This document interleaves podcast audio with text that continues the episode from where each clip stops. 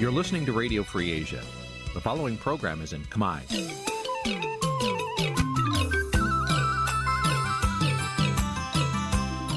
នេះជាកម្មវិធីផ្សាយ Vuthu Azizi Serai នេះជាកម្មវិធីផ្សាយរបស់ Vuthu Azizi Serai ជាភាសាខ្មែរ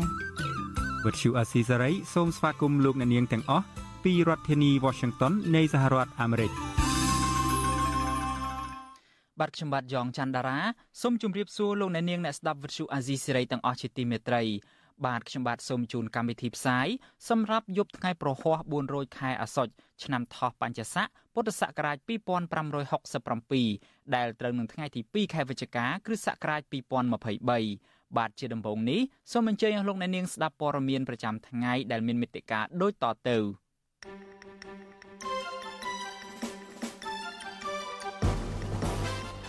អង្គការការពារអ្នកកាសែតចំនួន20ស្ថាប័នស្នើឲ្យបញ្ឈប់អំពើនីតិរដ្ឋភាពប្រឆាំងនឹងអ្នកកាសែតលោកជាមនីនិងមន្ត្រីជាន់ខ្ពស់មួយចំនួនទៀតនៃគណៈបកភ្លើងទៀនសុំលាលែងពីគណៈបកនេះទៅចូលរួមជាមួយនឹងគណៈបកកម្លាំងជាតិមន្ត្រីគណៈបកប្រឆាំងថាកម្ពុជាប្រឈមនឹងបញ្ហាបំណុលវ័នកដោយសារតែអំពើពុករលួយ។ កម្មករនិងសហជីពរិះគន់លោកហ៊ុនម៉ាណែតដែលយកបញ្ហារបស់កម្មករដើម្បីកេងចំណេញនយោបាយរួមនឹងព័ត៌មានសំខាន់សំខាន់មួយចំនួនទៀត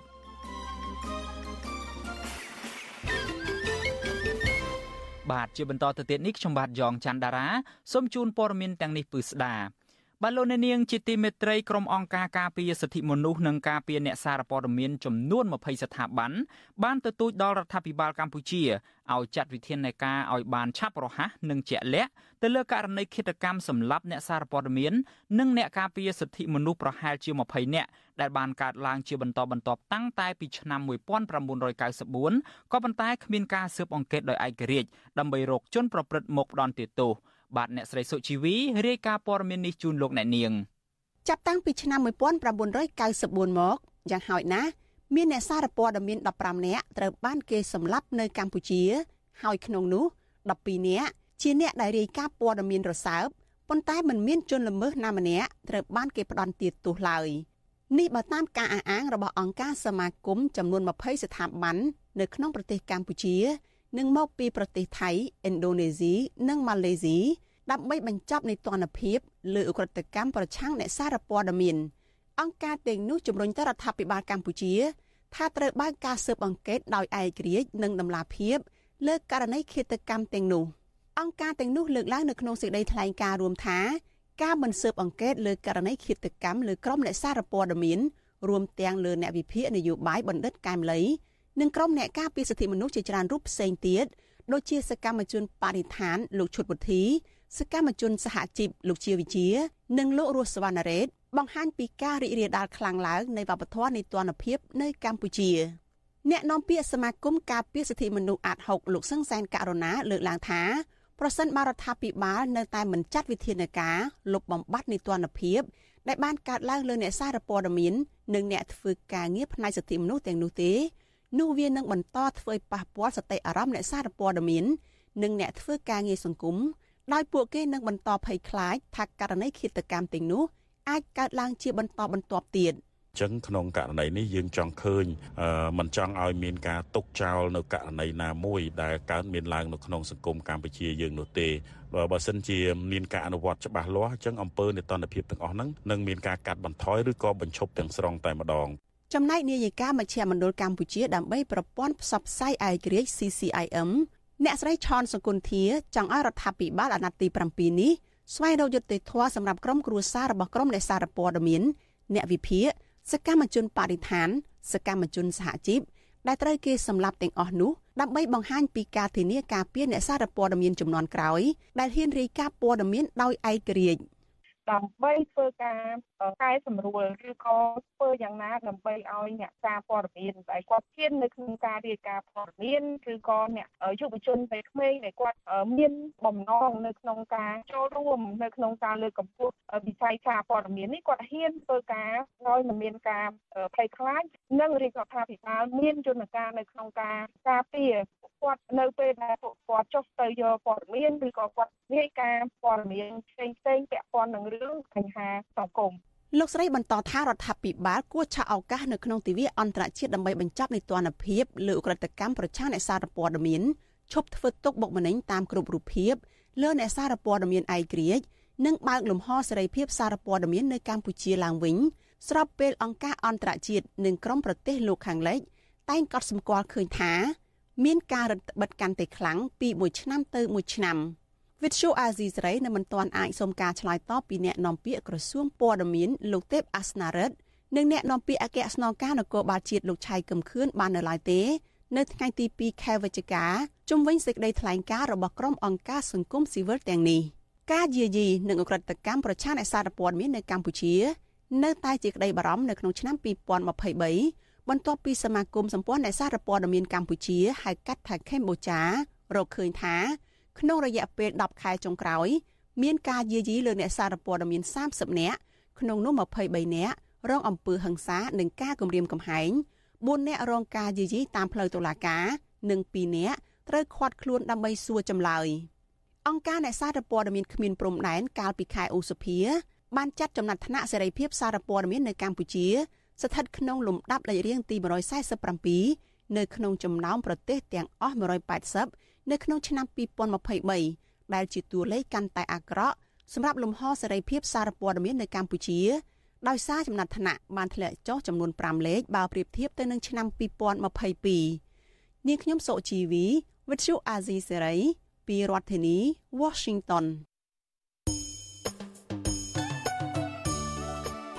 បាទលោកអ្នកនាងជាទីមេត្រីដំណើរគ្នានឹងស្ដាប់ការផ្សាយរបស់ Vuthu Azizi Serai នៅតាមរយៈបណ្ដាញសង្គម Facebook YouTube និង Telegram លោកអ្នកនាងក៏អាចស្ដាប់ការផ្សាយរបស់យើងតាមវិទ្យុរលកថេដាកាខ្លីបានដែរគឺតាមកម្រិតនិងកម្ពស់ដូចតទៅនេះបាទពេលព្រឹកចាប់ពីម៉ោង5កន្លះដល់ម៉ោង6កន្លះតាមរយៈប៉ុស SW 93.90 MHz ស្មើនឹងកម្ពស់ 32m និងប៉ុស SW 11.85 MHz ស្មើនឹងកម្ពស់ 25m ពេលយប់ចាប់ពីម៉ោង7កន្លះដល់ម៉ោង8កន្លះតាមរយៈប៉ុស SW 93.30 MHz ស្មើនឹងកម្ពស់ 32m ប៉ុស SW 11.88 MHz ស្មើនឹងកម្ពស់ 25m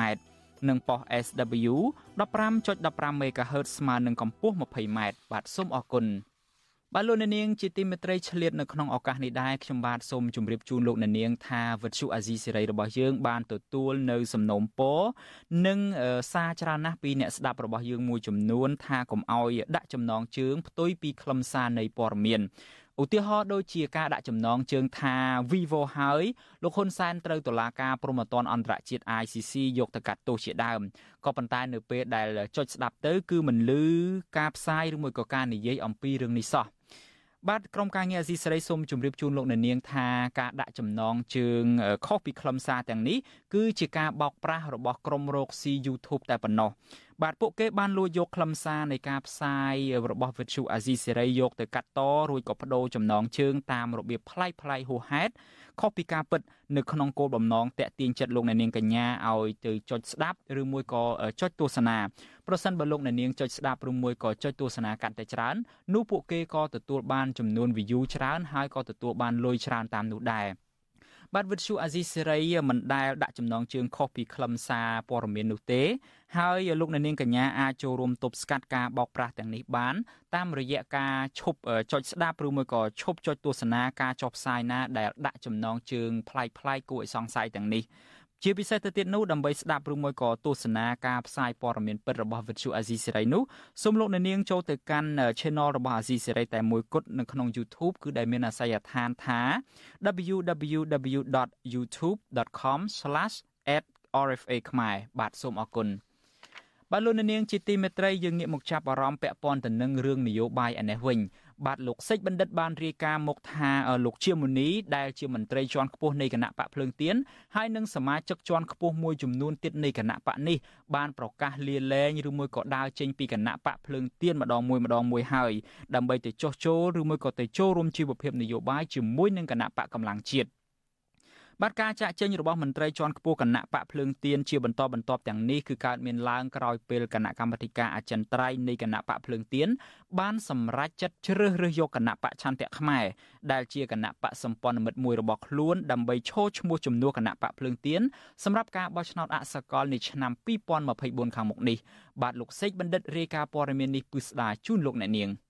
សមាជិកគណៈកម្មាធិការអចិន្ត្រៃយ៍គណៈបកភ្លើងទៀនជិត10នាក់ បានសម្រេចទៅចូលរួមធ្វើនយោបាយជាមួយនឹងគណៈបកកម្លាំងជាតិដែលគណៈបកនេះមានប្រភពចេញពីអតីតមន្ត្រីគណៈបកភ្លើងទៀន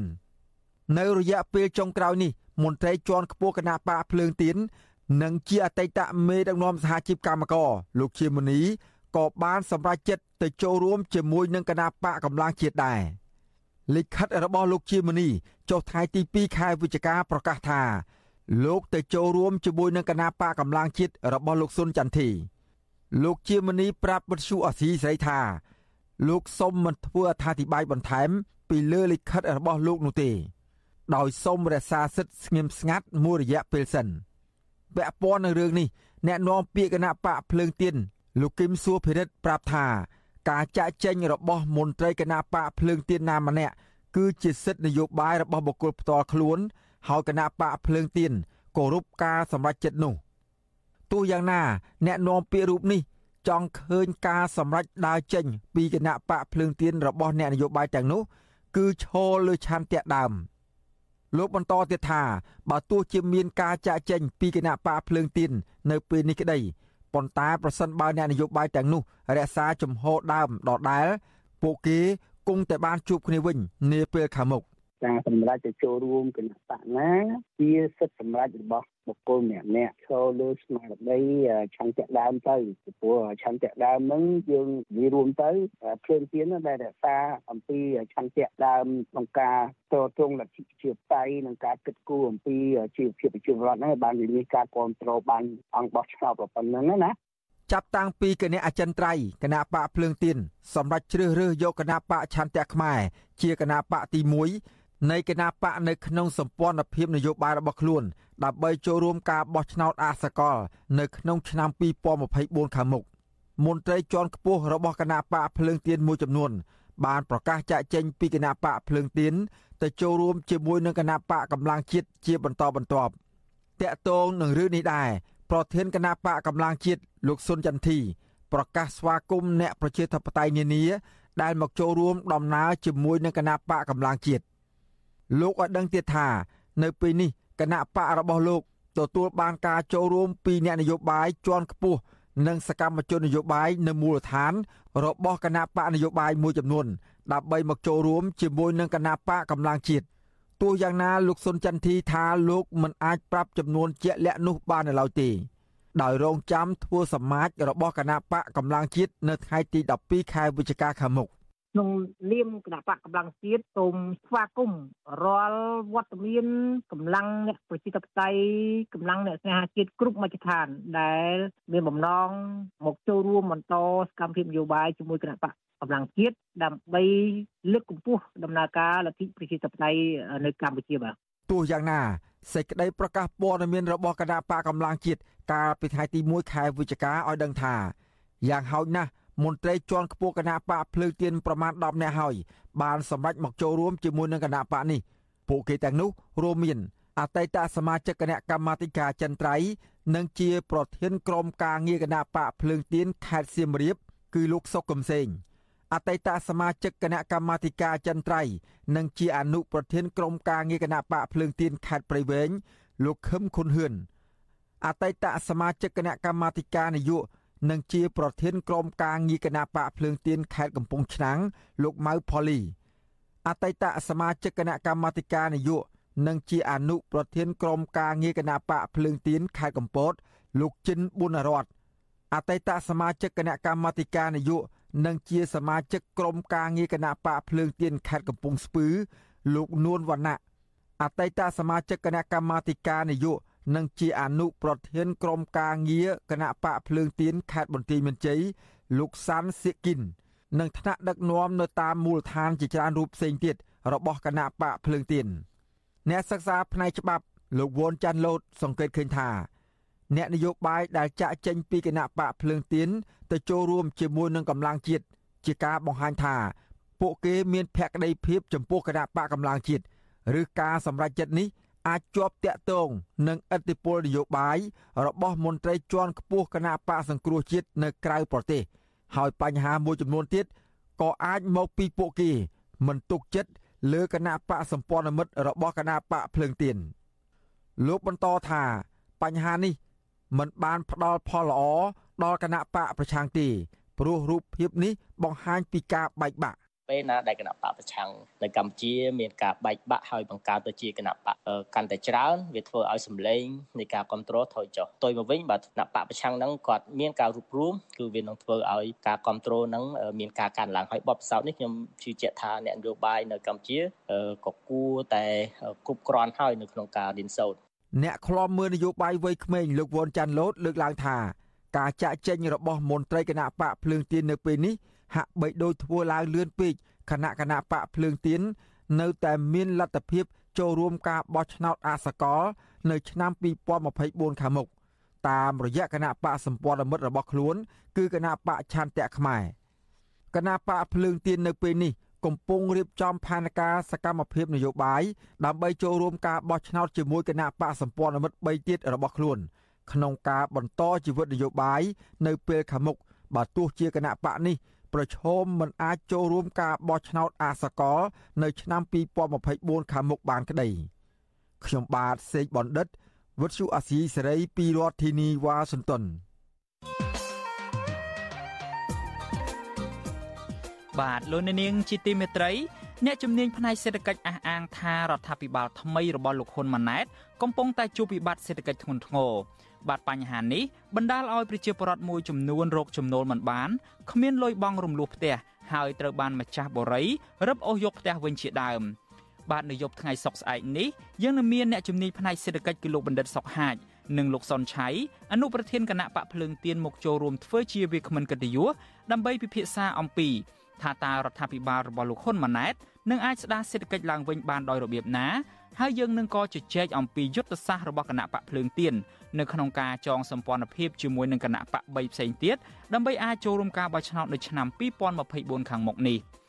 បាទសូមលោកអ្នកនាងរងចាំស្ដាប់នីតិវេទិកាអ្នកស្ដាប់វិទ្យុអាស៊ីសេរីទៅលើប្រធានបទនេះនៅយប់ថ្ងៃសុក្រស្អែកនេះបាទប្រសិនបើលោកអ្នកនាងមានសំណួរឬមួយក៏ចង់ចូលរួមបញ្ចេញមតិយោបល់លោកអ្នកនាងគ្រាន់តែដាក់លេខទូរស័ព្ទរបស់លោកអ្នកនាងក្នុងក្នុងខ្ទង់ comment Facebook និង YouTube របស់វិទ្យុអាស៊ីសេរី បាទក្រុមការងាររបស់យើងនឹងហៅទៅលោកអ្នកនាងវិញ បាទសូមអរគុណ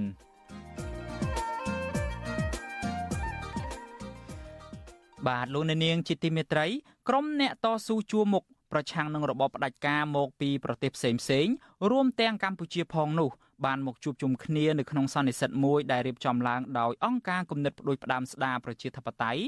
ឬដែលហៅថា Renew Democracy Initiative នៅរដ្ឋធានី Washington សហរដ្ឋអាមេរិកនៅថ្ងៃទី1និងថ្ងៃទី2ខែវិច្ឆិកានេះ បាទសន្និសីទនេះផ្ដោតសំខាន់ទៅលើការតស៊ូមតិប្រឆាំងទៅនឹងក្រុមមេដឹកនាំផ្ដាច់ការនៅលើពិភពលោកដែលបានធ្វើទុកបុកម្នេញទៅលើប្រជាពលរដ្ឋនៅក្នុងស្រុកនិងនៅក្រៅប្រទេសតាមរយៈការគំរាមកំហែងឆ្លងដែនបាទនៅពេលបន្តិចទៀតនេះយើងនឹងមានបទសម្ភាសន៍ផ្ទាល់មួយជាមួយនឹងមន្ត្រីជាន់ខ្ពស់នៃគណៈបកសង្គ្រោះជាតិជុំវិញរឿងនេះហើយសូមលោកអ្នកនាងរងចាំស្ដាប់បទសម្ភាសន៍នេះកុំបីខានបាទសូមអរគុណ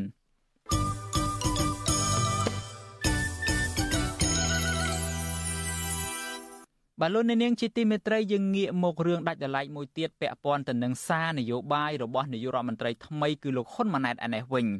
បាទក្រុមកម្មករនិងសហជីពរិះគន់ថាលោកហ៊ុនម៉ាណែតកំពុងតែយកបញ្ហារបស់កម្មករធ្វើជាឧបករណ៍កេងចំណេញនយោបាយតាមរយៈការបញ្ចុះបញ្ចូលកម្មករឲ្យបន្តគ្រប់គ្រងគណៈបកប្រជាជនកម្ពុជា ជាថ្នូរទៅនឹងការដំឡើងប្រាក់ខែគោលពួកគាត់ថាប្រសិនបើគណៈបកកណ្ដាលអំណាចមានសមត្ថភាពពិតមែននោះ រដ្ឋាភិបាលគួរតែដោះស្រាយបញ្ហារោងចក្របិទទ្វារនិងដំឡើងប្រាក់ខែគោលឆ្នាំ2024ទៅតាមការស្នើសុំរបស់កម្មករនិងសហជីពនៅពេលនេះបាទលោកទីនសាការីយ៉ារាយការណ៍ព័ត៌មាននេះជូនលោកអ្នកនាងដូចតទៅ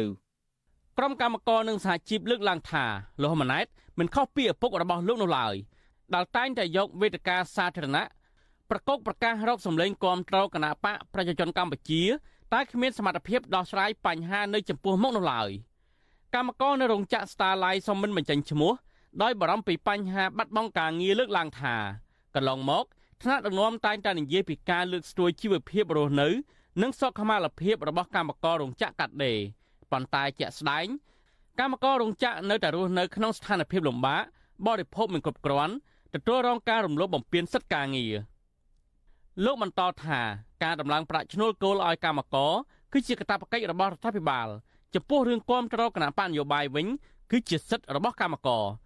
ដូច្នេះក្នុងនាមជាថ្នាក់ដឹកនាំលោកហ៊ុនម៉ាណែតមិនគួរយកការលំបាករបស់កម្មករមកកេងចំណេញនយោបាយនោះឡើយ។ បញ្ហាមានច្រើនគាត់គូតែដោះស្រាយជាពិសេសនោះឃើញគាត់ថ្លែងសាររហូតនិយាយរហូតប៉ុន្តែវាអត់ទាន់ឃើញចេញជាលទ្ធផលអញ្ចឹងគូតែធ្វើឲ្យច្រើនជាងនិយាយកុំនិយាយច្រើនជាងធ្វើជាការស្នើសុំគឺចង់ស្នើសុំឲ្យថ្នាក់ដឹកនាំកម្ពុជាកម្ពុជារបស់ជាតិរងថ្ងៃគាត់សុំឲ្យគាត់គិតគូរពីប្រទេសជាតិនិងប្រជាជនជាធំធ្វើម៉េចកុំគិតគូរពីតែខ្លួនឯងឬបាក់ការរិះគន់នេះគឺបន្ទាប់ពីលោកនាយរដ្ឋមន្ត្រីហ៊ុនម៉ាណែតថ្លែងនៅក្នុងពិធីជួបសំណេះសំណាលជាមួយកម្មករនៅខេត្តកណ្ដាល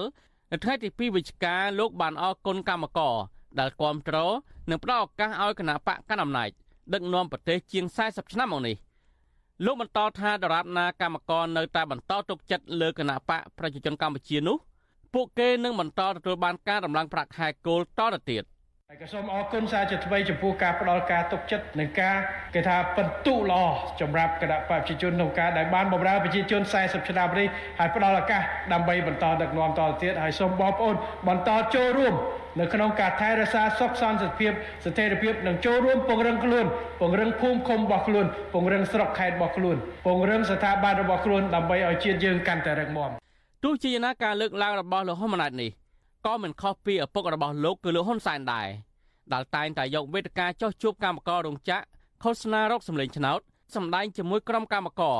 ដោយការអោបថើបនិងទទួលទានអាហារជាមួយកម្មករជាដើមប៉ុន្តែបន្ទាប់ពីបោះឆ្នោតហើយ រដ្ឋាភិបាលទាំងឪនិងកូនមិនបានគិតគូរពីទុកលំបាករបស់កម្មករនោះឡើយជាស្ដែងនៅក្នុងកិច្ចប្រជុំពិភាក្សាកំណត់ប្រាក់ឈ្នួលអបបរមាសម្រាប់ឆ្នាំ2024កាលពីថ្ងៃទី28កញ្ញាកន្លងទៅតំណាងភាគីរដ្ឋាភិបាល ទាំង17នាក់បានបោះឆ្នោតគាំទ្រតួលេខចំនួន202ដុល្លារក្នុងមួយខែរបស់ភាគីថកែដែលខុសពីការស្នើសុំរបស់កម្មករ ក្នុងតួលេខកំណត់ប្រាក់ខែគោលចំនួន213ដុល្លារក្នុងមួយខែក៏ប៉ុន្តែរដ្ឋាភិបាលគាំទ្រចំនួនតួលេខរបស់ខាងថកែនេះគឺប្រាក់ខែនៅតែទាបហើយធ្វើឲ្យកម្មករជួបបញ្ហាលំបាកនិងជាប់បំណុលធនាគារជាដើមតែទៅនឹងរឿងនេះប្រធានសហភាពការងារកម្ពុជាលោកអាត់ថុនចាត់ទុកការលើកឡើងរបស់លោកហ៊ុនម៉ាណែតថាជាការស្វែងរកការគ្រប់គ្រងផ្នែកនយោបាយគណៈគណៈបកផ្សេងទៀតក៏អាចនិយាយបានបែបនេះដូចគ្នា តែទោះជាយ៉ាងណាលោកថាអ្នកនយោបាយអាចទទួលបានប្រជាប្រិយភាពនឹងការគ្រប់គ្រងពីម្ចាស់ឆ្នោតបានលុះត្រាតែពួកគេបង្ហាញពីសកម្មភាពដែលជាប្រយោជន៍ដល់ប្រជាពលរដ្ឋជាពិសេសកម្មករដែលកំពុងតែរងនូវផលប៉ះពាល់ផ្នែកជីវភាព និងបាត់បង់ការងារ។ការគិតគូរតែប្រាក់ខែមួយមុខហើយវាចំនួនតិចតួចវាឡើងដែរតែវាតិចតួចក៏វាមិនទាន់អាចដោះស្រាយបានដែរអញ្ចឹងនៅវិស័យការងារទី1បង្កើតការងារបង្កើតការងារការងារដែលមានប្រាក់ចំណូលខ្ពស់ ការងារប្រាក់ចំណូលខ្ពស់ហើយមានលក្ខខណ្ឌការងារល្អលក្ខខណ្ឌការងារល្អហើយមានការធានាទៅលើសុខភាពសុវត្ថិភាពនិងប្រាក់ឈ្នួលរួមទាំងម៉ោងការងារហ្នឹងទៅតាមស្តង់ដារដែលស្របតាម ILO ក៏ដូចជារដ្ឋធម្មនុញ្ញយើងហើយយើងឃើញការងារបច្ចុប្បន្នដូចជានៅមានបញ្ហាលំបាកច្រើនកម្មករនិងសហជីពស្នើឲ្យរដ្ឋាភិបាលយកវេទិកាចោះជួបកម្មករនេះមកដោះស្រាយបញ្ហាដែលកម្មករកំពុងតែប្រឈមមានដូចជាបញ្ហាជីវភាពខ្វះខាត ដោះស្រាយបញ្ហាតំណែងសពសារពើឡើងថ្លៃនិងពិចារណាដំឡើងប្រាក់ឈ្នួលគោលដល់កម្មករឲ្យបានសមរម្យជាជាងនិយាយដើម្បីតែកេងចំណេញនយោបាយខ្ញុំបាទទីនសាការីយ៉ាអស៊ីសេរី ប្រធានាធិបតី Washington បាទលោកអ្នកនាងជាទីមេត្រីថ្មីថ្មីនេះលោកអ្នកនាងប្រហែលជាបានជ្រាបស្រាប់ហើយថាអ្នកកំ pl ាយមួយរូបនៅកម្ពុជាគឺនាយក្រមនោះបានបញ្ចេញមតិដែលមានចរិតរើសអើងទៅលើក្រុមអ្នកស្រឡាញ់ភេទដូចគ្នាហើយក្រោយពីមានការបញ្ចេញមតិដែលមានចរិតរើសអើងបែបនេះក៏មានចំណាត់ការភ្លាមភ្លាមពីខាងគណៈកម្មាធិការសិទ្ធិមនុស្សកម្ពុជា ដែលដឹកនាំដោយលោកកៅរីមី ឥឡូវនេះខាងកោតក្រ Nagawal បានស្នើឲ្យលោកកែវរេមីយកចិត្តទុកដាក់ជួយដោះស្រាយបញ្ហារបស់ពួកគាត់ដើម្បីបញ្ចប់វិវាទការងារជាមួយថៅកែ Nagawal ដែលអូសបន្លាយពេលជិត3ឆ្នាំមកនេះផងពីព្រោះនេះក៏ជារឿងរំលោភសិទ្ធិមនុស្សដូចគ្នា បាទការស្នើសុំនេះគឺបន្ទាប់ពីក្រមគឧតកោ Nagawal Nagawal មើលឃើញថាគណៈកម្មការគណៈកម្មាធិការសិទ្ធិមនុស្សកម្ពុជាហាក់ដូចជាបានយកចិត្តទុកដាក់ទៅលើអ្នកស្រឡាញ់ភេទដូចគ្នាដោយកោះហៅតារាកំ pl ែងលោកអ៊ូប៊ុនរ៉ាត់ហៅនេក្រឹមដែលបញ្ចេញមតិមានចរិតរើសអើងទៅលើក្រុមអ្នកស្រឡាញ់ភេទដូចគ្នាបាទកោតកោប្រមាណ30នាក់នៅថ្ងៃទី1ខែតុលានេះ កាលពីថ្ងៃទី1ខែតុលាបាននាំគ្នាកាន់ឆ័ត្រចំនួន9ដែលមានពណ៌ចម្រុះផ្សេងផ្សេងគ្នាដោយក្នុងឆ័ត្រនីមួយៗបង្ហាញសារដែលមានអត្ថន័យនិងខ្លឹមសារខុសគ្នាដូចជាបញ្ឈប់ការរើសអើងសហជីព LRSU កុំបង្អត់បាយកម្មករក្នុងសម័យសន្តិភាពការគោរពសិទ្ធិមនុស្សនាំឲ្យមានសេចក្តីថ្លៃថ្នូរជាដើម បាទសូមលោកអ្នកនាងទស្សនាវីដេអូនេះដូចតទៅបន្ទាប់ពីមានការឈឺឆ្អាលរបស់បងប្អូន យើងឃើញថាមានខាងស្ថាប័នសិទ្ធិមនុស្សប្រចាំនៅប្រទេសកម្ពុជាគឺមានការអន្តរាគមចេញមកយ៉ាងលឿនចំណែកអីតែពួកខ្ញុំមានការរើសអើងរហូតដល់72ឆ្នាំតែអត់ឃើញមានការអន្តរាគមមួយណាកន្លងមកមានលោកកតាអនអ្នកនាំពាក្យខាងសិទ្ធិមនុស្សហ្នឹងគាត់ថានៅពេលដែលអាញាធរប្រើហិង្សាមកលើពួកខ្ញុំវាជាការព្រៀនប្រដៅប៉ុន្តែយើងមើលអ្វីទៅជាការព្រៀនប្រដៅអ្វីទៅជាហិង្សាគឺវាផ្ទុយស្រឡះហើយគាត់យកហិង្សាហ្នឹងមកព្រៀនប្រដៅមនុស្សអញ្ចឹង ហើបើហិង្សាអញ្ចឹងវាផ្ទុយពីពីពីសិទ្ធិមនុស្សហើយអញ្ចឹងហើយសូមឲ្យស្ថាប័នជាពិសេសអាដាមកៅរ៉េមីចាឃើញថាអន្តរាគមលឿនណាអញ្ចឹងសូមឲ្យគាត់អន្តរាគមឲ្យបានលឿនដូចគ្នាព្រោះអានេះវាចូលលក្ខខណ្ឌនៃការរើសអើងចាហើយសិទ្ធិការងារគឺជាសិទ្ធិមនុស្សសូមបញ្ជាក់អញ្ចឹងស្ថាប័នសិទ្ធិមនុស្សគួរតែមានទំនួលខុសត្រូវនៃការអន្តរាគមឲ្យបានឆាប់រហ័សកុំចាំដល់ពួកខ្ញុំត្រូវគេរំលោភហើយ ពួកគាត់ធ្វើមិនដឹងធ្វើមិនលឺដូចជាព្រះសំណងពួកយើងអត់អត់ចង់បានស្ថាប័នដែលមានតែឈ្មោះទេពួកយើងចង់បានស្ថាប័ននិងអ្នកធ្វើការនៅក្នុងស្ថាប័នមានសមត្ថភាពក្នុងការដោះស្រាយរោយុត្តិធម៌រោភាពត្រឹមត្រូវឲ្យប្រជាជនខ្លួនឯងថ្ងៃហ្នឹងយើងកាន់តុងជាតិចឹងឲ្យដឹងថាអាឡូរដ្ឋមន្ត្រីក្រសួងការងារក៏អត់ដឹងថាអ្នកតវ៉ាហ្នឹងនៅក្នុងប្រទេសខ្មែរឥឡូវនេះកាន់នេះថា អ្នកតវ៉ានេះកំពុងតែនៅប្រទេសខ្មែរហើយរងគ្រោះនេះនៅក្នុងប្រទេសខ្មែរអញ្ចឹងសូមឲ្យគាត់ឃើញឥឡូវគាត់មើលឃើញថាអ្នកដែលតវ៉ាហ្នឹងនៅក្នុងប្រទេសរបស់ខ្លួនអញ្ចឹងសូមឲ្យគាត់ចេញមកដោះស្រាយជំរុញទៅដល់ភាគីតកាយ Nagawal ដើម្បីបញ្ចប់វិវាទការងារនេះផងឥឡូវគិតថាពួកខ្ញុំតវ៉ាដឹងថាតវ៉ានៅក្នុងប្រទេសណាឥឡូវកាន់ទងជាតិឲ្យដឹងថានៅក្នុងប្រទេសខ្មែរនេះផ្ទាល់តែម្ដងសូមឲ្យកុំឲ្យមានការរើសអើងមនុស្សនិងរើសអើងសហជីពជាបន្ទាន់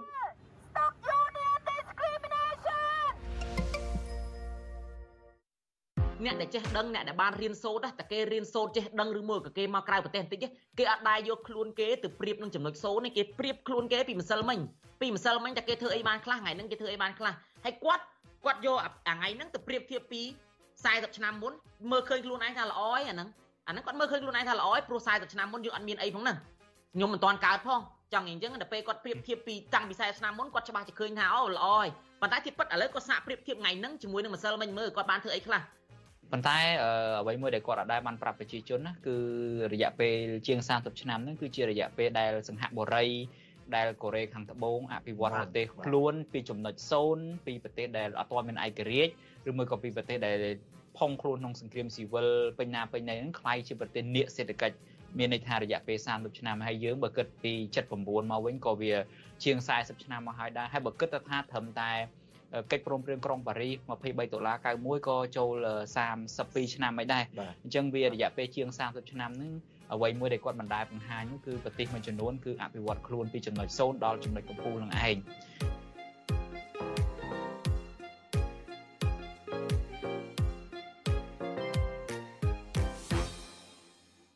បាទលោកអ្នកនាងជាទីមេត្រីសូមលោកអ្នកនាងកុំភ្លេចរងចាំស្ដាប់កម្មវិធី podcast របស់យើងនៅព្រឹកថ្ងៃសៅរ៍នេះហើយនឹងចាក់ផ្សាយឡើងវិញនៅយប់ថ្ងៃច័ន្ទនៅក្នុងកម្មវិធីផ្សាយព័ត៌មានប្រចាំថ្ងៃរបស់យើងហើយនៅក្នុងសប្តាហ៍ហ្នឹងគឺថាខ្ញុំនិងលោកសេចបណ្ឌិតរួមទាំងយុវជនដ៏ឆ្នើមមួយរូបនៃគណៈបកសង្គ្រោះជាតិគឺលោកសេងមេងមុនរងយើងពិភាក្សាអំពីសារនយោបាយចុងក្រោយមួយរបស់លោកហ៊ុនម៉ាណែតតាក់ទងទៅនឹងរឿងចង្អៀតចង្អល់អីចឹងជាដើមដូច្នេះសូមលោកអ្នកនាងរងកុំភ្លេចរងចាំតាមដានស្ដាប់កម្មវិធីនេះកុំបីខានលោកអ្នកនាងជាទីមេត្រីឥឡូវនេះយើងងាកមកចាប់អារម្មណ៍តាក់ទងទៅនឹងបញ្ហាអំពើពុករលួយហើយនិងបញ្ហាបំណុលឯនេះវិញគឺថាមន្ត្រីគណៈបកប្រឆាំងលើកឡើងថាដោយសារតែអំពើពុករលួយជាប្រព័ន្ធនិងការប្រើប្រាស់កម្ចីបរទេសមិនចំគោលដៅ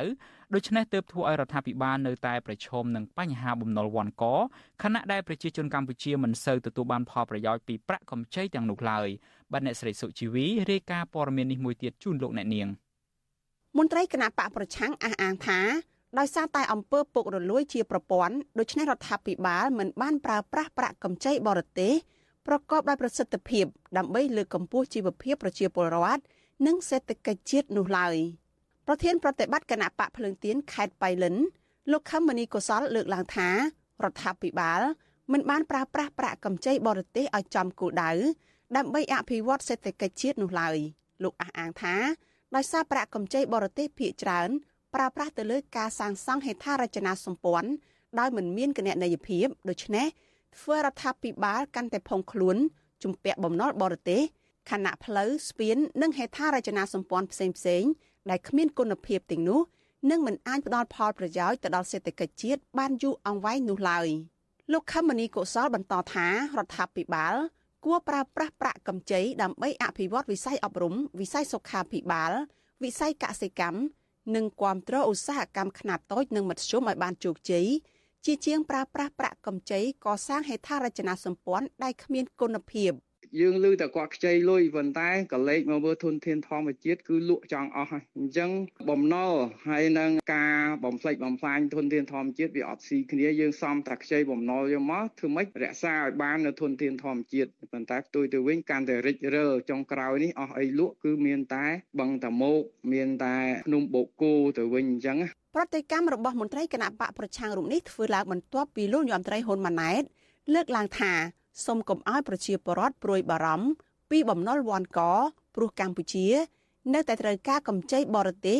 កសាងហេដ្ឋារចនាសម្ព័ន្ធផ្សេងផ្សេងលោកបានលើកឡើងដូចនេះនៅក្នុងពេលសំណេះសំណាលជាមួយកម្មកររោងចក្រប្រមាណ20000នាក់នៅក្រុងតាខ្មៅខេត្តកណ្ដាលនៅថ្ងៃទី2ខែវិច្ឆិកាសំបីតែជប៉ុនខ្លួនឯងដែលចោលចូលជាមួយគេ បន្ទុកបំណុលរបស់គាត់លើស100%នៃបសសខ្ញុំអាមេរិកប្រទេសបារាំងប្រទេសដូចតែគ្នាដែរទេដើម្បីការវិនិយោគជាប្រវត្តិយើងប៉ុន្តែវិនិយោគទទួលខុសត្រូវមិនមែនយកលុយមកដើម្បីទិញឡានមិនយកលុយមកដើម្បីទៅពេញកប៉ាល់ហោះយកលុយមកដើម្បីទិញស្អីអត់បំរើការទៅទេគឺយើងយកលុយមកដើម្បីវិនិយោគទៅលើហេដ្ឋារចនាសម្ព័ន្ធធំធំបំរើឲ្យសេដ្ឋកិច្ចបំរើឲ្យជាតិរបស់យើងគិតត្រឹមខែកក្កដាឆ្នាំ2023 កម្ពុជាជំពាក់បំណុលបរទេសសរុបជាង10000លានដុល្លារអាមេរិកក្នុងនោះកម្ចីរបស់ប្រទេសចិនមានប្រមាណ40%ដែលជាកម្ចីទ្វេភាគីច្រើនជាងគេរបស់កម្ពុជាបាទទោះបីជារដ្ឋាភិបាលតែងតែអះអាងថា បំណុលបរទេសរបស់កម្ពុជា នៅមានចំនួនតិចតួចធៀបទៅនឹងតម្លៃផលិតផលសរុបក្នុងស្រុកឬ GDP និងមានហានិភ័យទាបក្តីប៉ុន្តែអ្នកវិភាគនយោបាយលើកឡើងថា កម្ពុជាកំពុងប្រឈមនឹងបំណុលវ៉ាន់កតាមរយៈការទទួលយកប្រាក់កម្ចីរបស់ប្រទេសចិន ដែលមិនមានភ្ជាប់ជាមួយលក្ខខណ្ឌគោរពសិទ្ធិមនុស្សនិងដំណាភាពវិទ្យុអាស៊ីសេរីមិនអាចសុំការអធិប្បាយពីប្រធានអង្គភិបអ្នកនាំពាក្យរដ្ឋាភិបាលកម្ពុជាលោកប៉ែនបូណាបានទេនៅថ្ងៃទី2ខែវិច្ឆិកាជុំវិញរឿងនេះប្រធានក្រុមប្រឹក្សាឃ្លាំមើលកម្ពុជានៅក្នុងប្រទេសណ័រវេលោកម៉ែនណាតយល់ឃើញថា លោកហ៊ុនម៉ាណែតគួរប្រៀបធៀបរឿងបំណុលបរទេសជាមួយនឹងប្រទេសសេរីលង្កាប្រទេសឡាវឬប្រទេសមីយ៉ាន់ម៉ាដែលកំពុងលងខ្លួននៅក្នុងបំណុលរបស់ចិន ជាជាងទៅប្រៀបធៀបជាមួយបណ្ដាប្រទេសអភិវឌ្ឍលោកបន្តថាការបន្តខ្ចីបំណុលពីប្រទេសចិនមិនត្រឹមតែធ្វើឲ្យធនធានធម្មជាតិរបស់កម្ពុជាត្រូវបន្តបាត់បង់តែប៉ុណ្ណោះទេក៏ប៉ុន្តែថែមទាំងអាចធ្វើឲ្យកម្ពុជាបាត់បង់អធិបតេយ្យភាពផងដែរ។ បើមិនចង់ជាប់បំណុលវ៉ាន់កចិនទេ មានតែកំព្យាយាមខ្ចីបន្ថែមដើម្បីយកមកបង្រឹងអំណាចក្រុមគ្រួសារខ្លួនបង្កបាក់ពួកពុករលួយដោយសពថ្ងៃហ្នឹងកម្ពុជាបកាត់បន្ថយអំពើពុករលួយដល់ឆ្អឹងដោយសពថ្ងៃហ្នឹងធ្វើឲ្យបាល់កិច្ចល្អទៅធ្វើនីតិរដ្ឋល្អក្នុងការគ្រប់គ្រងច្បាប់គ្រប់គ្រងប្រព័ន្ធយុត្តិធម៌និងប្រព័ន្ធសេដ្ឋកិច្ចឲ្យច្បាស់លាស់ទៅអាហ្នឹងគឺយើងអាចរកចំណុចល្អឃើញក្នុងការស្ដារសេដ្ឋកិច្ចមន្ត្រីគណៈបកប្រឆាំងលើកឡើងថា ការខ្ចីប្រាក់បរទេសមកអភិវឌ្ឍប្រទេសមិនមែនជារឿងអាក្រក់នោះឡើយប៉ុន្តែបញ្ហាសំខាន់ដែលធ្វើឲ្យកម្ពុជាកាន់តែផុងខ្លួនជំពាក់បំណុលបរទេសនោះគឺការប្រើប្រាស់កម្ចីបរទេសមិនមានដំណាភាព និងផ្ដល់ផលប្រយោជន៍ភាគច្រើនទៅឲ្យក្រុមបកពួកគ្រួសារត្រកូលហ៊ុនតែប៉ុណ្ណោះជាក់ស្ដែងរដ្ឋាភិបាលនៅតែត្រូវការខ្ចីប្រាក់ពីបរទេសមកបង្គ្រប់ខ្ទង់ចំណាយថវិកាជាតិប្រចាំឆ្នាំខណៈទ្រព្យសម្បត្តិធនធានធម្មជាតិ ដូចជារ៉ែមាសរ៉ែដែករ៉ែខ្សាច់និងព្រៃឈើជាដើម កំពុងរងការបំផ្លិចបំផ្លាញនិងទាញយកដោយគ្មានគណនេយ្យភាពនាងខ្ញុំសុជីវីវិទ្យុអាស៊ីសេរីពីរដ្ឋធានី Washington បាទលោកអ្នកនាងជាទីមេត្រីពាក់ព័ន្ធទៅនឹងបញ្ហាបំណុលនេះដែរលោកអ្នកនាងប្រកាសជាបានជ្រាបស្រាប់ហើយថានៅក្នុងរយៈពេល10ឆ្នាំចុងក្រោយនេះកម្ពុជាបានក្លាយទៅជាដៃគូរបស់ប្រទេសចិននៅក្នុងយុទ្ធសាស្ត្រអភិវឌ្ឍហេដ្ឋារចនាសម្ព័ន្ធខ្សែក្រវ៉ាត់និងផ្លូវដែលហៅកាត់ថា BRI របស់ចិន បាទក្រុមអ្នកវិភាគបញ្ហាសង្គមនិងការអភិវឌ្ឍព្រួយបារម្ភថាប្រទេសកម្ពុជាអាចនឹងក្លាយទៅជាអ្នកជំពាក់បំណុលចិនវ៉ាន់កនិងក្លាយទៅជាឧបករណ៍នយោបាយរបស់ចិនប្រសិនបើរដ្ឋាភិបាលកម្ពុជាមិនបានគិតគូរនិងប្រើប្រាស់គម្រោង BRI នេះឲ្យមានដំណាភាពសពគ្រប់ជ្រុងជ្រោយទេនោះបាទលោកជីវិតារាយការណ៍ព័ត៌មាននេះពីរដ្ឋធានី Washington អ្នកសិក្សាការអភិវឌ្ឍសង្គមបណ្ឌិតសេងសារី មានប្រសាសន៍ថា យុទ្ធសាស្ត្រអភិវឌ្ឍហេដ្ឋារចនាសម្ព័ន្ធខ្សែក្រវ៉ាត់និងផ្លូវ BRI នេះគឺចិនបានប្រើវិធីសាស្ត្ររវាងរដ្ឋាភិបាលនិងរដ្ឋាភិបាលដោយពួកគេមិនស្ដាប់យោបល់របស់ប្រជាពលរដ្ឋនិងអ្នកពាក់ព័ន្ធដទៃទៀតទេនោះមានន័យថា នៅពេលរដ្ឋាភិបាលទាំងពីរព្រមព្រៀងគ្នាធ្វើអ្វីមួយហើយគឺចាប់ផ្ដើមធ្វើតែម្ដង ដោយមិនគិតពីការប៉ះពាល់ដល់ប្រជាពលរដ្ឋនិងអ្វីផ្សេងទៀតឡើយឧទាហរណ៍ ដូចជាគម្រោងទំនប់វារីអគ្គិសនីសេសានក្រោម2នៅខេត្តស្ទឹងត្រែងជាដើម នៅពេលរដ្ឋាភិបាលកម្ពុជានិងចិនត្រូវរើគ្នា ពួកគេចាប់ផ្ដើមវិនិយោគកសាងទំនប់វារីអគ្គិសនីភ្លាមប៉ុន្តែផលប៉ះពាល់ដោយសារទឹកលិចភូមិនិងទន្លេនេះរីងរាក់ញឹកញាប់ប៉ះពាល់ដល់ជីវភាពពលរដ្ឋធ្ងន់ធ្ងរគឺហាក់មិនមានអ្នកណាដោះស្រាយឡើយ។ បើយើងធៀបជាមួយនឹងសន្ទុះសេដ្ឋកិច្ចយើងឃើញថាជាសញ្ញាណគ្រោះថ្នាក់បើសិនជាក្នុងករណីចិនមានវិបត្តិសេដ្ឋកិច្ចគឺខ្មែរមានវិបត្តិសេដ្ឋកិច្ចម្ដងដោយសារយើងជាប្រទេសដែលពឹងលើសេដ្ឋកិច្ចចិនតែមួយដូច្នេះហើយអ្វីដែលខ្ញុំបារម្ភគឺខ្ញុំក្រែងលោកម្ពុជាដើរតាមគន្លងរបស់ប្រទេសឡាវហើយនិងប្រទេសស្រីលង្កាដែលកំពុងតែប្រឈមទៅនឹងវិបត្តិធ្ងន់ធ្ងរផ្នែកខាងសេដ្ឋកិច្ចបច្ចុប្បន្នហ្នឹងបាទមិនមែនតែនៅក្នុងទ្វីបអាស៊ីទេសូម្បីតែបណ្ដាប្រទេសមួយចំនួននៅទ្វីបអឺរ៉ុបហ្នឹងក៏ជាប់បន្ទាក់បំណុលរបស់ចិនដែរប្រទេសខ្លះហ្នឹងរហូតដល់បកគលកំពង់ផែជាតិហ្នឹងឲ្យទៅអ្នកវិនិយោគិនចិននោះបណ្ឌិតសេងសេរីមានប្រសាសន៍បន្តទៀតថាគម្រោង BRI ទាំងឡាយរបស់ចិន ក្រៅតែពីបង្កការព្រួយបារម្ភថាកម្ពុជាអាចនឹងជំពាក់បំណុលចិនវ៉ាន់កហើយនោះវាក៏អាចធ្វើឲ្យកម្ពុជាคล้ายទៅជាឧបករណ៍នយោបាយរបស់ចិនផងដែរលើសពីនេះវាក៏កំពុងផ្ដល់ឱកាសឲ្យចិនប្រមូលយកធនធានធម្មជាតិពីកម្ពុជាថែមទៀតផងដែរ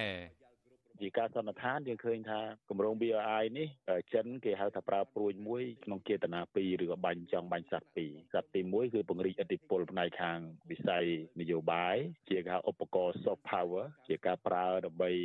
ធ្វើម៉េចឲ្យបណ្ដាប្រទេសមួយចំនួនហ្នឹងមានសញ្ចេតនាល្អមកប្រទេសចិនទី2ហ្នឹងគឺប្រើសម្រាប់ប្រមូលធនធានវត្ថុធាតុដើមពីបណ្ដាប្រទេសក្រីក្រហ្នឹងដើម្បីទៅបំពន់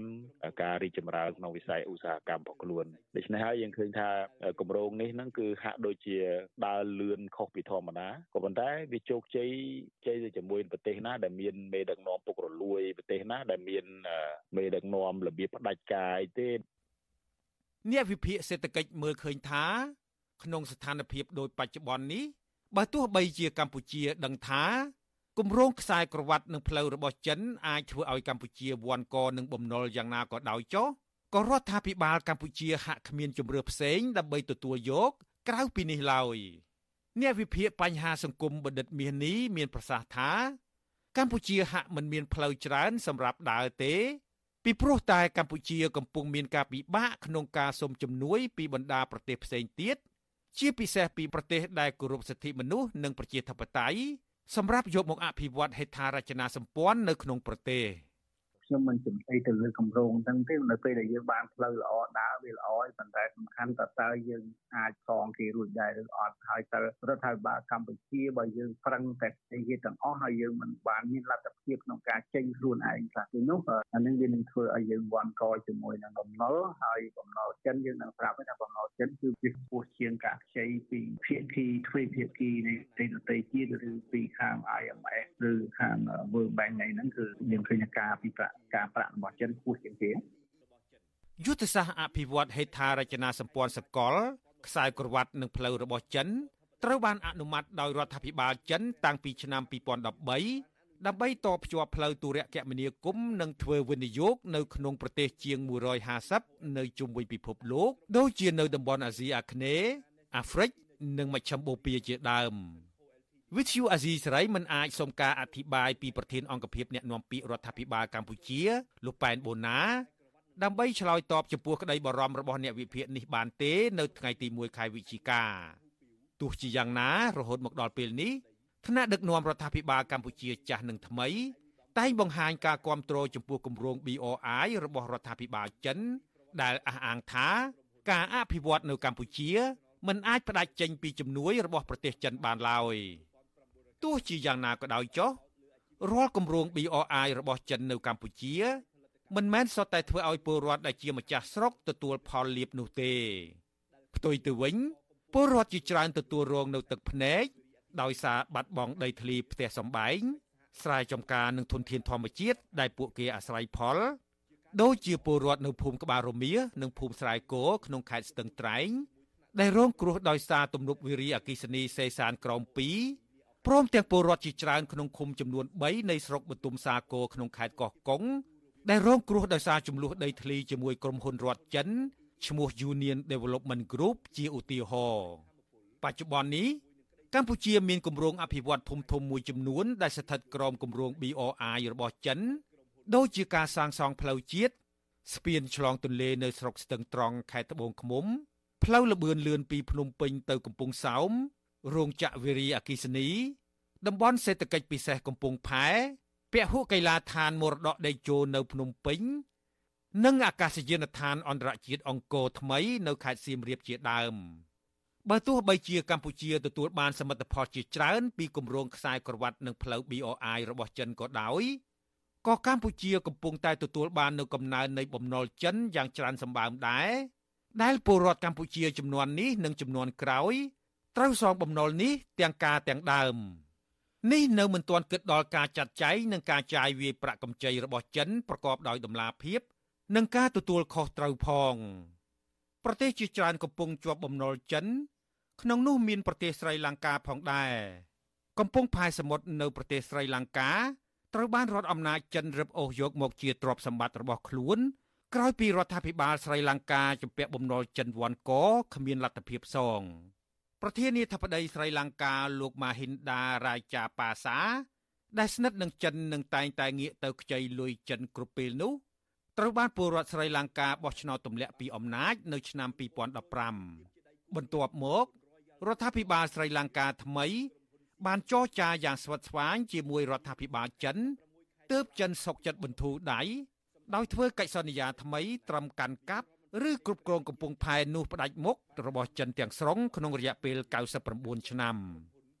ក្រោមការដឹកនាំរបស់ប្រធានាធិបតីម៉ាហ៊ីនដារាជាប៉ាសា ប្រទេសស្រីលង្កាដែលមានប្រជាជនជិត22លាននាក់ជំពាក់បំណុលចិនជិត45,000លានដុល្លារអាមេរិកសម្រាប់ប្រទេសកម្ពុជាវិញដែលមានប្រជាជនជិត17លាននាក់បច្ចុប្បន្នជំពាក់បំណុលបរទេសសរុបប្រមាណ15,000លានដុល្លារ ហើយ40%ក្នុងចំណោមបំណុលទាំងនោះ គឺជំពាក់ចិនខ្ញុំជីវិតាអាស៊ីសេរី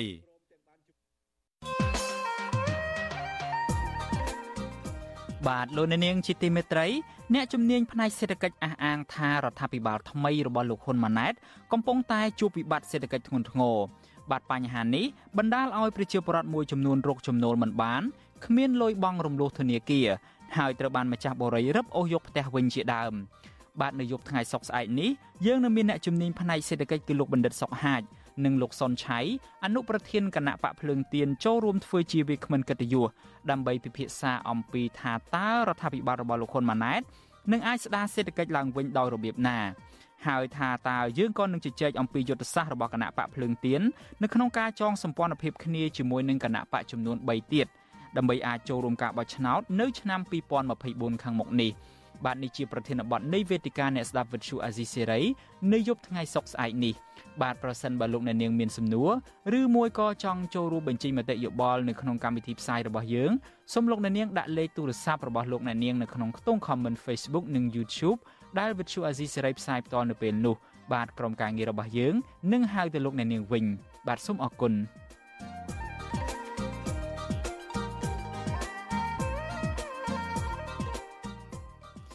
បាទលោកអ្នកនាងជាទីមេត្រីដោយខ្ញុំបាទបានជម្រាបជូនពីខាងដើមហើយថានៅថ្ងៃនេះយើងនឹងមានមន្ត្រីជាន់ខ្ពស់មួយរូបនៃគណៈបកសង្គ្រោះជាតិចូលរួមនៅក្នុងបទសម្ភាសន៍មួយរបស់វិទ្យុអាស៊ីសេរីនៅក្នុងស្ទូឌីយោផ្សាយរបស់យើងនេះតាក់ទងទៅនឹងការតស៊ូមតិប្រឆាំងទៅនឹងរបបផ្ដាច់ការនៅលើពិភពលោក លោកអ្នកនាងជាទីមេត្រីក្រុមអ្នកតស៊ូមតិជួមុខប្រឆាំងនឹងមេដឹកនាំផ្ដាច់ការមកពីប្រទេសផ្សេងផ្សេងក្នុងនោះរួមទាំងកម្ពុជាផងបានមកជួបជុំគ្នានៅក្នុងសន្និសីទមួយដែលរៀបចំឡើងដោយអង្គការគំនិតផ្ដួចផ្ដើមស្ដារប្រជាធិបតេយ្យនៅរដ្ឋធានី Washington សហរដ្ឋអាមេរិកនៅថ្ងៃទី1និងថ្ងៃទី2ខែវិច្ឆិកានេះ បាទសន្និសីទនេះផ្ដោតទៅលើការតស៊ូមតិប្រឆាំងទៅនឹងក្រុមមេដឹកនាំផ្ដាច់ការនៅលើពិភពលោកដែលបានជិះជាន់ដែលបានធ្វើទុកបុកម្នេញនិងគៀបសង្កត់ប្រជាពលរដ្ឋនៅក្នុងស្រុកនិងនៅក្រៅស្រុកតាមរយៈសារគម្រាមកំហែងឆ្លងដែនបាទនៅពេលនេះយើងមានវាគ្មិនចូលរួមជាមួយយើងគឺអ្នកស្រីថិតកំហ៊ុនដែលជាប្រធានកិច្ចការស្ត្រីនៃគណៈបកសង្គ្រោះជាតិចូលមកកាន់កម្មវិធីផ្សាយរបស់យើងនៅស្ទូឌីយោផ្ទាល់តែម្ដងខ្ញុំបាទសូមជម្រាបសួរអ្នកស្រីថិតកំហ៊ុនបាទជម្រាបសួរលោកចន្ទរាចា៎ យ៉ាងម៉េចដែរអ្នកស្រីថិតកំហ៊ុនសុខសប្បាយទេមួយរយៈនេះបាទក្រោយពីមានបាតកម្មធំនៅបរិយាញូវយ៉កកាលពីមួយរយៈមុនហ្នឹងបាទចាសុខជាធម្មតាប៉ុន្តែនៅតែបន្តកិច្ចការងារមកមានញឹកជាមួយនឹងបងប្អូនអ្នកប្រជាធិបតេយ្យទាំងអស់ចាក្នុងក្រៅប្រទេសបាទអរគុណច្រើនមែនទែនអ្នកស្រីថិតកំហ៊ុនដែលបានឆ្លៀតពេលវេលាក្នុងឱកាសដ៏មមាញឹកនៃការចូលរួមសន្និសីទនៅពេលនេះហើយក៏ឆ្លៀតពេលក្នុងការផ្តល់បទសម្ភាសន៍ដល់វិទ្យុអេស៊ីសេរីផង ដូច្នេះខ្ញុំបាទចង់សូមសាកសួរអ្នកស្រីតែម្ដងទៅពីម្សិលមិញយើងបានសម្ភាសព្រះអង្គបុត្របន្ទែងរួចហើយហើយព្រះអង្គក៏បាននិមន្តចូលរួមក្នុងសន្និសីទនេះដូចគ្នាប៉ុន្តែពេលដែលយើងសម្ភាសហ្នឹងព្រះអង្គកម្មវិធីហ្នឹងមិនទាន់បានដំណើរការនៅឡើយទេឥឡូវចង់ដឹងអំពី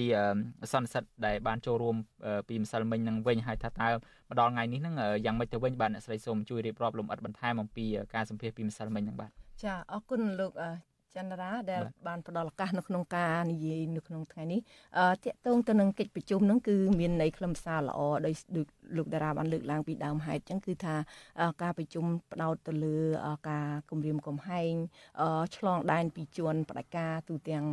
សកលលោកក៏ដូចជាជាពិសេសយើងបានចូលរួមបញ្ចេញមតិពីការឆ្លងដែនបដិការតាកតងទៅនឹងនៅក្នុងប្រទេសកម្ពុជាយើងពីរបបលោកហ៊ុនសែនជាដើម នៅក្នុងនោះយើងបានមានជួបជាមួយប្រទេស12ប្រទេសទាំងអស់ហើយយើងមានការចងក្រងជាគំនិត គ្នាហើយភាកច្រើននៅការ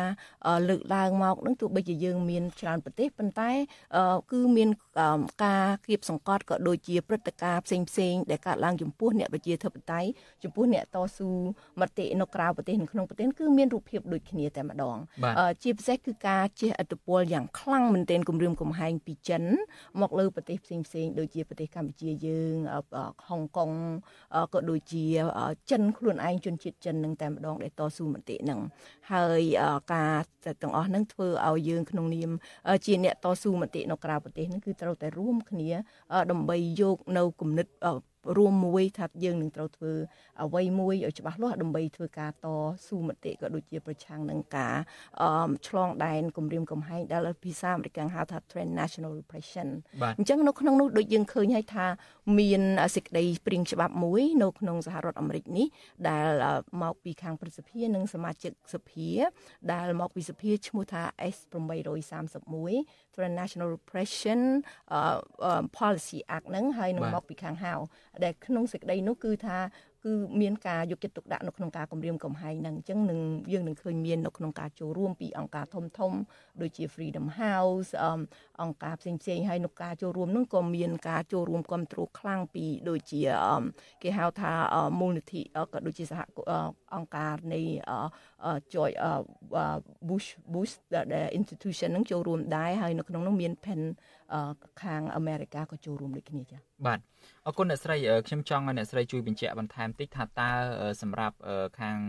ក្រមការងារខាងខ្មែរមានន័យថាកម្ពុជាយើង ខាងតំណាងដោយខាងសង្គ្រោះជាតិនឹងលើកឡើងពីបញ្ហាអ្វីជាក់លាក់នៅក្នុងកម្មវិធីនឹងដែរបាទ យើងលើកឡើងពីបញ្ហាដូចជាការគម្រាមកំហែងបងប្អូន ដែលមកចូលរួមនៅបាតកម្មផ្សេងផ្សេងដែលពួកគាត់ដូចមិនមែនដូចពួកខ្ញុំជាចេញមុខខ្លាំងប៉ុន្តែគាត់ចូលរួមក្នុងនាមគាត់ជាអ្នកឈឺឆ្អាលពីរឿងប្រជាធិបតេយ្យសិទ្ធិសេរីភាពប្រជាពលរដ្ឋក្នុងស្រុកហ្នឹងគឺយើងមានការគម្រាមកំហែងមានការមកថតរូបថតអីចឹងប៉ុន្តែគេមានកិច្ចការងារនឹងនឹងធ្វើដែលយើងដឹងហើយថាការងារនឹងគឺជាការគម្រាមកំហែងជនផ្ដាច់ការទាំងអស់គឺមានគំនិតដូចគ្នានៅក្នុងការគម្រាមកំហែងរូបភាពតែមួយអញ្ចឹងយើងធ្វើកិច្ចការងារនឹងដើម្បីឲ្យមានទិសដៅជាក់លាក់ហើយនឹងមានដូចពីបើមានការគម្រាមកំហែងនៅពិតមែនឲ្យតែមានភ័ស្តុតាង មានអ្វីដែលការគម្រាមកំហែងជាសរសេរលិលាក់អក្សរឬក៏រូបភាពអ្វីមួយសម្លេងអ្វីមួយយើងអាចផ្ញើទៅ FBI អ្នកដែលស៊ើបអង្កេតនឹងនៅក្នុងនោះទៀតដែរយើងផ្ដោតទៅលើជនដែលមានសញ្ជាតិអាមេរិកាំងដែលនៅក្នុងសហរដ្ឋអាមេរិកនេះដែលខ្លួនឯងមានសញ្ជាតិជាអាមេរិកាំងហើយយើងដឹងហើយការដែលយើងចូលសញ្ជាតិនឹងថាយើងបានស្បត់សេចក្ដីអ្វីខ្លះបើយើងធ្វើខុសនៅលក្ខន្តិកៈនៃការចូលសញ្ជាតិនឹងគឺគេមានសិទ្ធិនៅក្នុងការដកសញ្ជាតិយើងវិញប៉ុន្តែយើងត្រូវមានភ័ស្តុតាងជាក់លាក់នៅក្នុងការដែលទៅលើបុគ្គលនឹងថាចូលរួមអ្វីខ្លះហើយវាខុសលក្ខន្តិកៈអ្វីខ្លះហើយយើងអាចតស៊ូមតិនៅក្នុងតឡាការបានចា៎អូអញ្ចឹងមានន័យថាដោយខ្លីមានន័យថា ទោះបីជាពួកគាត់នឹងជាចូលសញ្ជាតិអាមេរិកក៏ដោយមកនៅស្រុកអាមេរិកនេះយូរឆ្នាំយ៉ាងណាក៏ដោយនៅពេលដែលរកឃើញថាពួកគាត់នឹងបានទៅបម្រើរដ្ឋាភិបាលឬមួយក៏ក្រមអ្នកដឹកនាំកម្ពុជាដែលមានពាក់ព័ន្ធនឹងរឿងរំលោភសិទ្ធិមនុស្សអីហ្នឹងអាហ្នឹងក៏រាប់ចូលក្នុងចំណែកនៃ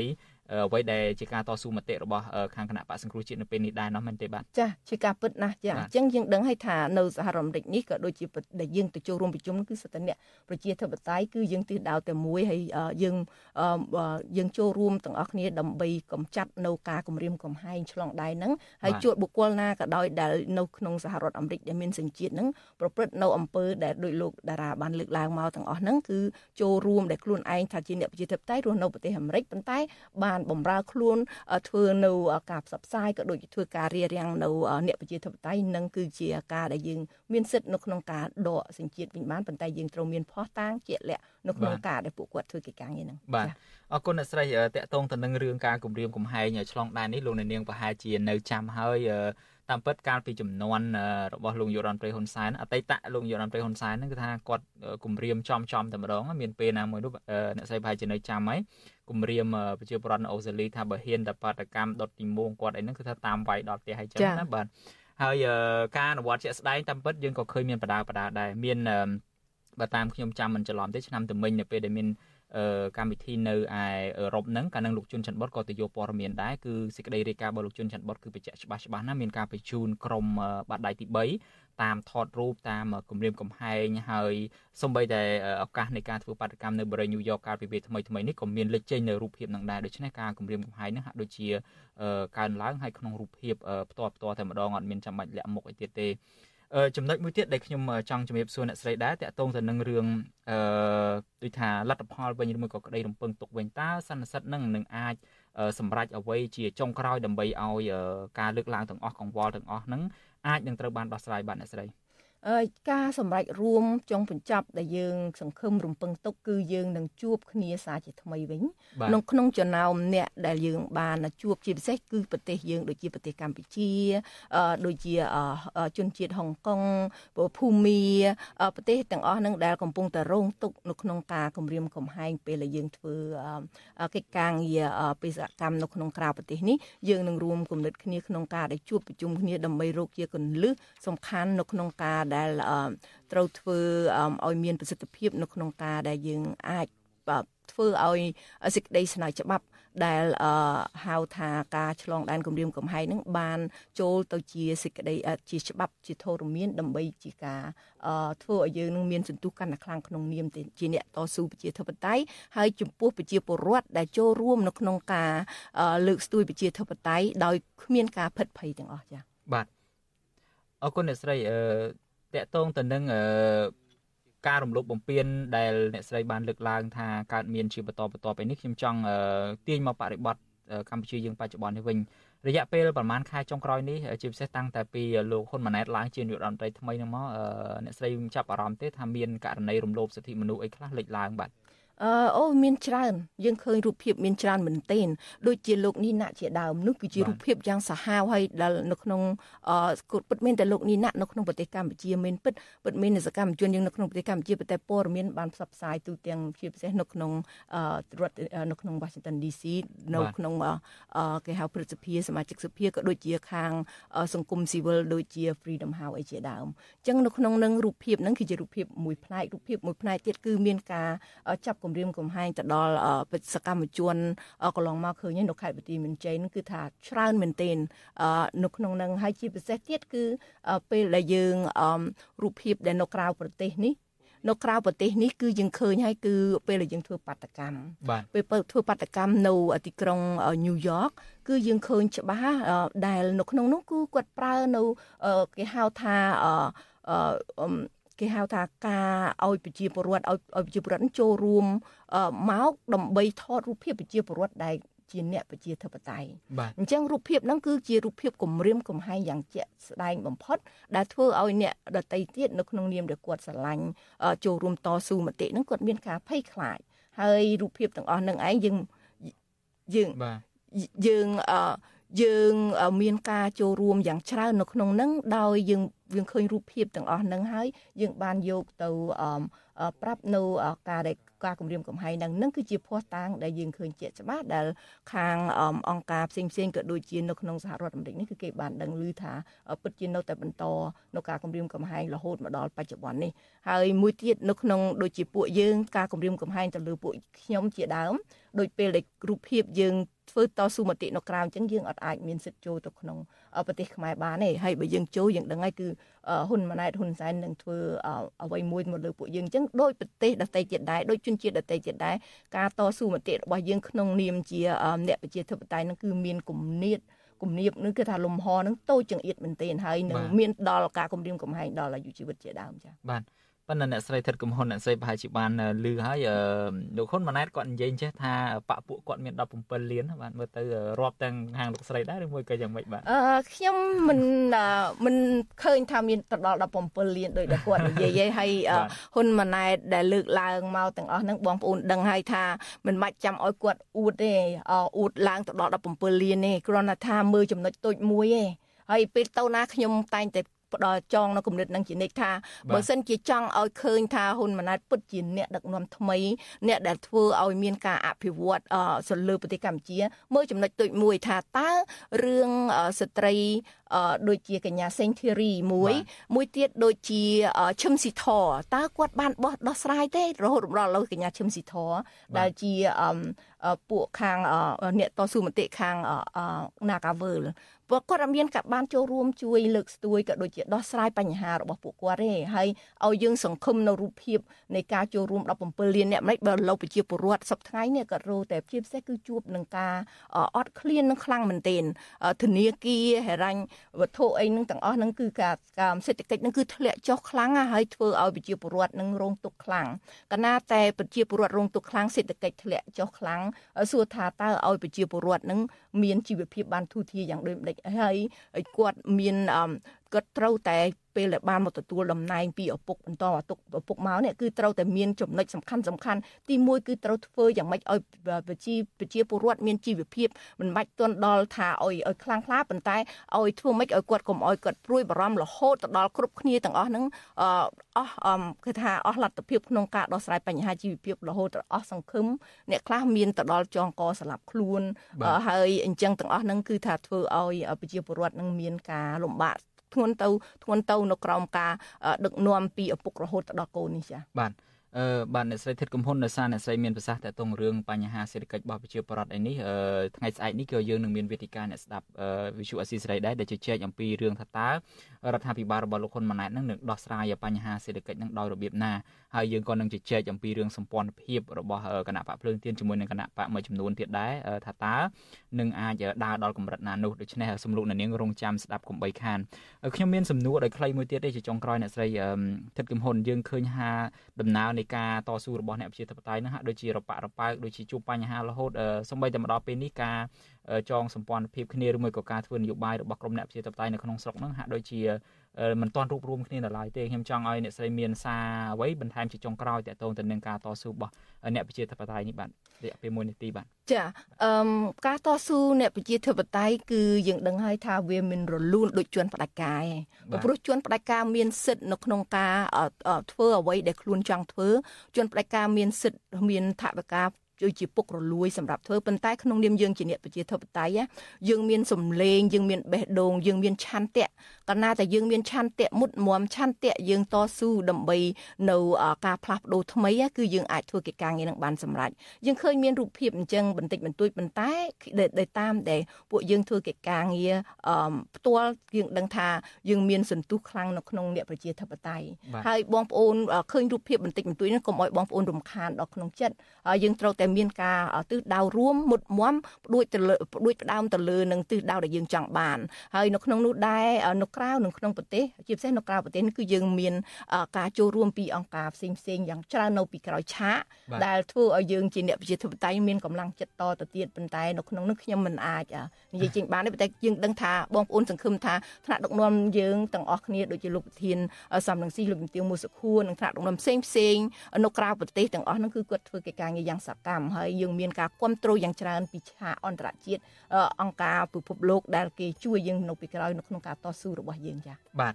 ខ្ញុំបាទសូមអរគុណច្រើនអ្នកស្រីធីជំនន់សម្រាប់បទសម្ភាសន៍នៅពេលនេះបាទ បាទលោកនាងជាទីមេត្រីកម្មវិធីផ្សាយរបស់វិទ្យុអាស៊ីសេរីក៏ឈានចូលមកដល់ទីបញ្ចប់នៅត្រឹមចំណុចនេះដែរខ្ញុំបាទយ៉ងច័ន្ទដារាព្រមទាំងក្រុមការងារទាំងអស់នៃវិទ្យុអាស៊ីសេរីសូមជូនពរដល់លោកអ្នកនាងទាំងអស់ឲ្យជួបប្រកបតែនឹងសេចក្តីសុខចម្រើនរុងរឿងកំបីគ្លៀងឃ្លាតឡើយបាទនៅពេលនេះពួកខ្ញុំទាំងអស់គ្នាសូមអរគុណនិងសូមជម្រាបលា បាទរាត្រីសួស្តី